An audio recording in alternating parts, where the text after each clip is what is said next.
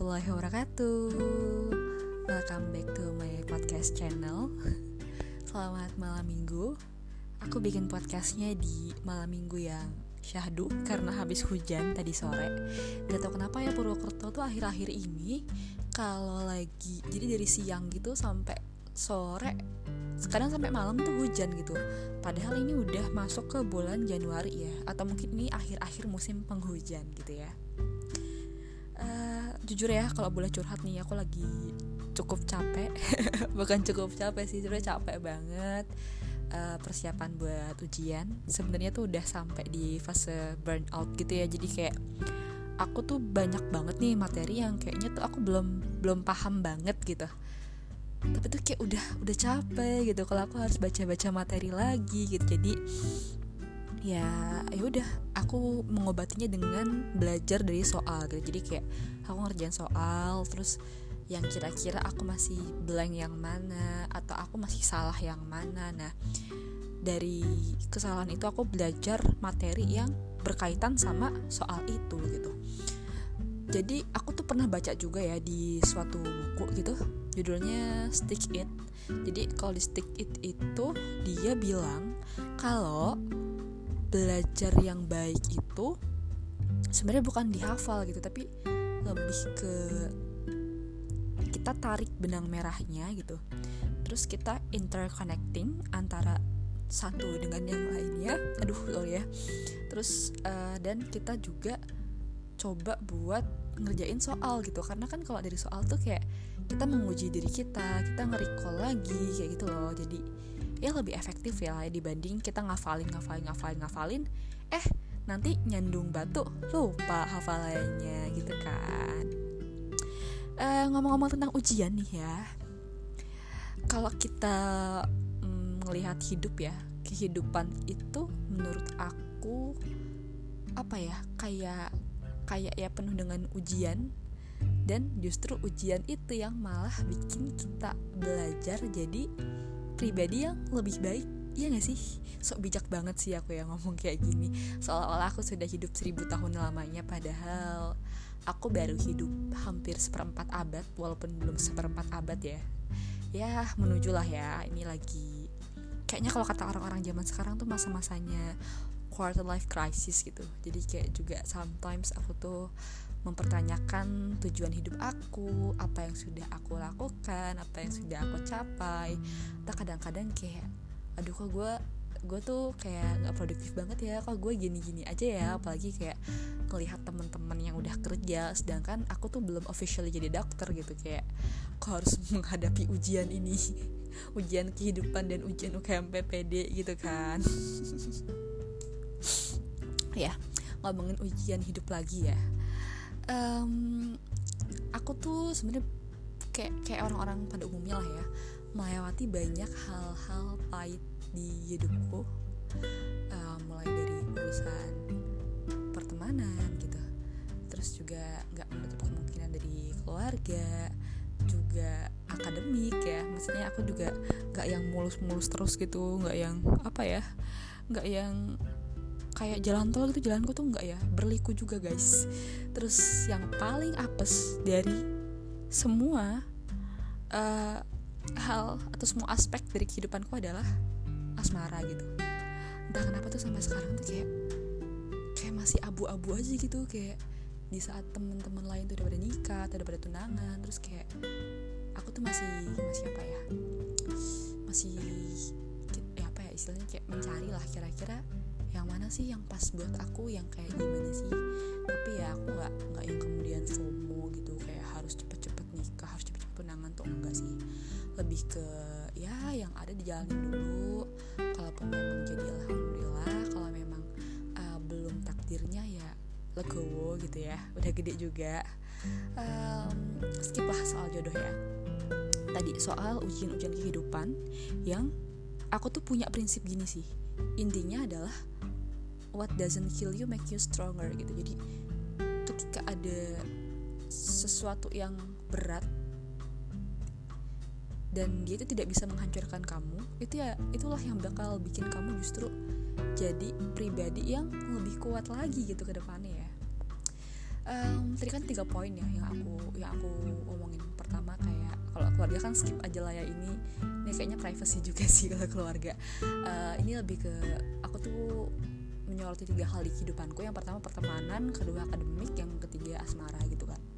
Uh, ngomongin pertemanan ya aku tuh jujur aku tipikal orang yang susah gitu loh buat bergaul sama orang nggak tahu kenapa. Aku tuh lebih anaknya lebih soliter lebih seneng ke mana-mana sendirian gitu. Tapi ketika memang diajak ngobrol aku bisa aja gitu ngobrol sama orang baru. Atau mungkin aku dibawa ke lingkungan baru aku bisa aja gitu kayak catch up sama orang-orang baru. Walaupun pulangnya tuh nanti kayak energi aku tuh serasa habis gitu loh entah kenapa ya.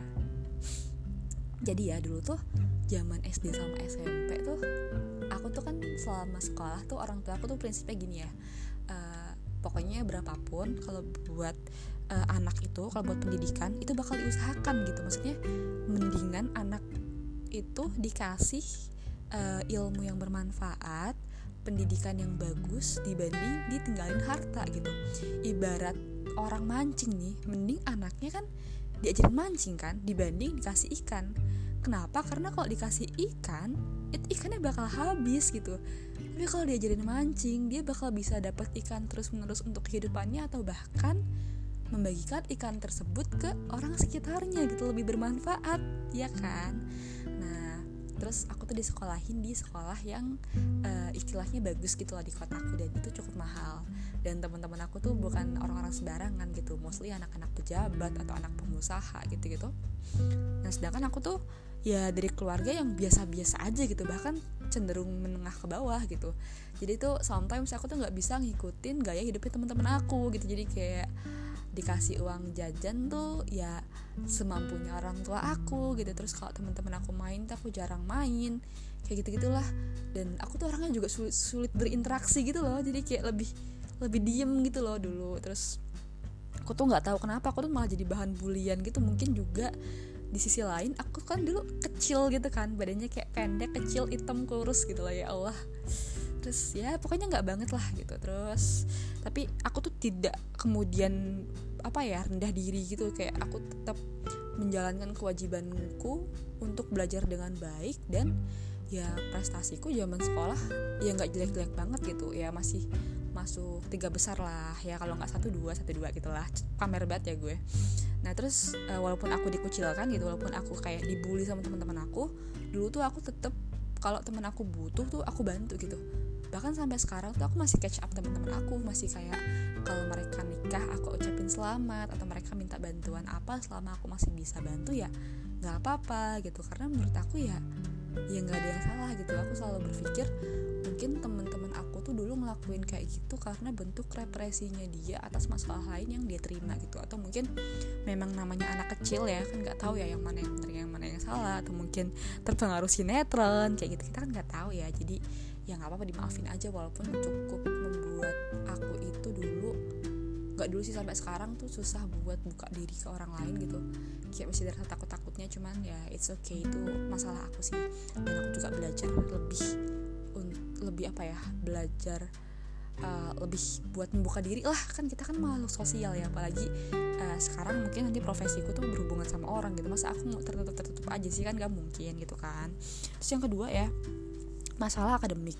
Nah masalah akademik itu dulu tuh aku sempat uh, skripsian ya waktu waktu lulus S1 ya. Karena anak FK pun juga harus skripsian ya guys. Jadi nggak nggak kemudian tiba-tiba koas tuh enggak sebelum lulus dokter tuh ada skripsi juga. Dan uh, aku tuh dapat pembimbing skripsi yang uh, cukup istimewa gitu loh. Jadi kayak apa ya mudi pembimbing skripsiku tuh. Terus kadang tuh maunya ini diturutin ini tapi nggak nggak nggak kebenaran atau hari ini ngelakuin ini salah besok ngelakuin ini bener. Atau hari ini ngelakuin ini bener ngelakuin besok salah dan jujur itu cukup apa ya cukup jadi tantangan sendiri buat aku menyelesaikan skripsiku gitu.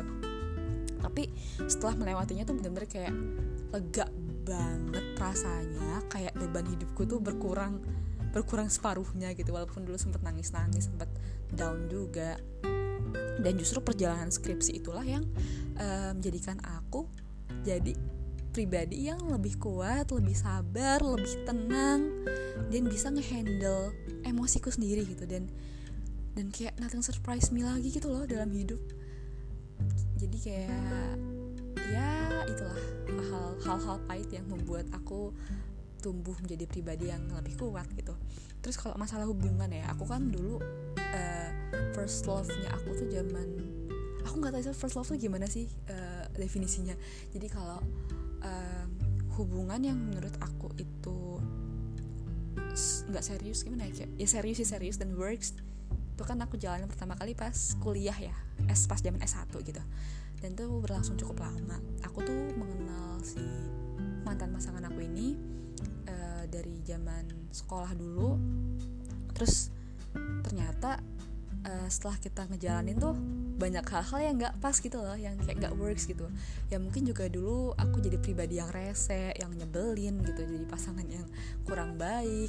Terus juga ternyata perlakukan pasanganku ke aku itu dulu kayak nggak mengenakan gitu dan akhirnya kita uh, selesai gitu. Nah ternyata selesainya aku sama pasanganku itu nggak kemudian selesai gitu aja tuh enggak gitu tapi juga meninggalkan apa ya kayak trauma dan luka sendiri buat aku gitu. Sampai dulu aku bolak-balik ke psikiater gitu.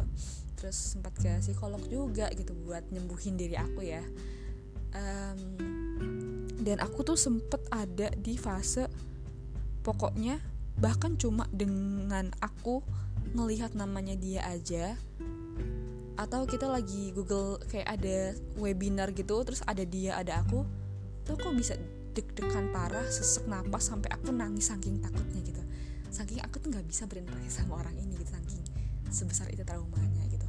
Tapi uh, setelah semua itu sembuh gitu aku menjadi pribadi yang menurut aku ya lebih lebih berhati-hati juga lebih ke belajar kalau suka sama orang itu sewajarnya aja.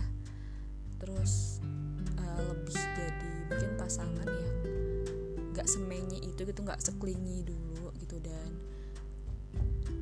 dan ya begitulah sampai saat ini juga aku masih belum figuring out nih kalau yang satu ini ya masalah uh, problem yang ketiga gitu. Nah uh, prinsip aku tuh gini ya jadi aduh maaf ya ada tokek. Ngerusak banget sih. Jadi prinsip aku uh, sesuatu yang datang ke kita suatu stressor yang datang ke kita itu kita punya dua pilihan gitu. Kita mau hancur melebur atau kita mau jadi pribadi yang lebih kuat nih. Kita mau belajar nih dari ujian yang datang ke kita gitu. Nah pilihan yang kedua ini kan sebenarnya pilihan yang lebih baik ya nggak sih? Tapi juga lebih berat gitu. Nah dari sinilah kita juga harus yakin kalau Tuhan itu ketika ngasih kita cobaan itu berarti kita mampu buat menghadapinya gitu.